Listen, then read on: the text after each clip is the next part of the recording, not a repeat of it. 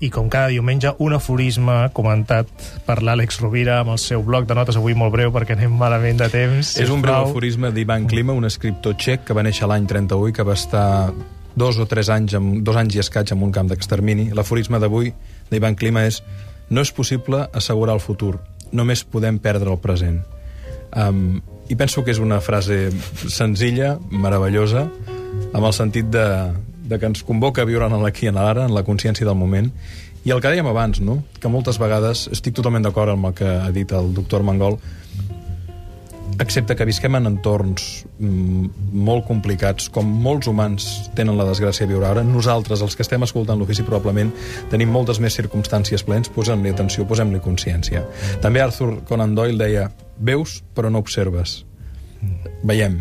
Per tant, observem i prenguem consciència de que no podem assegurar el futur, però només podem perdre el present. Moltes gràcies, Àlex Gràcies. Rovira.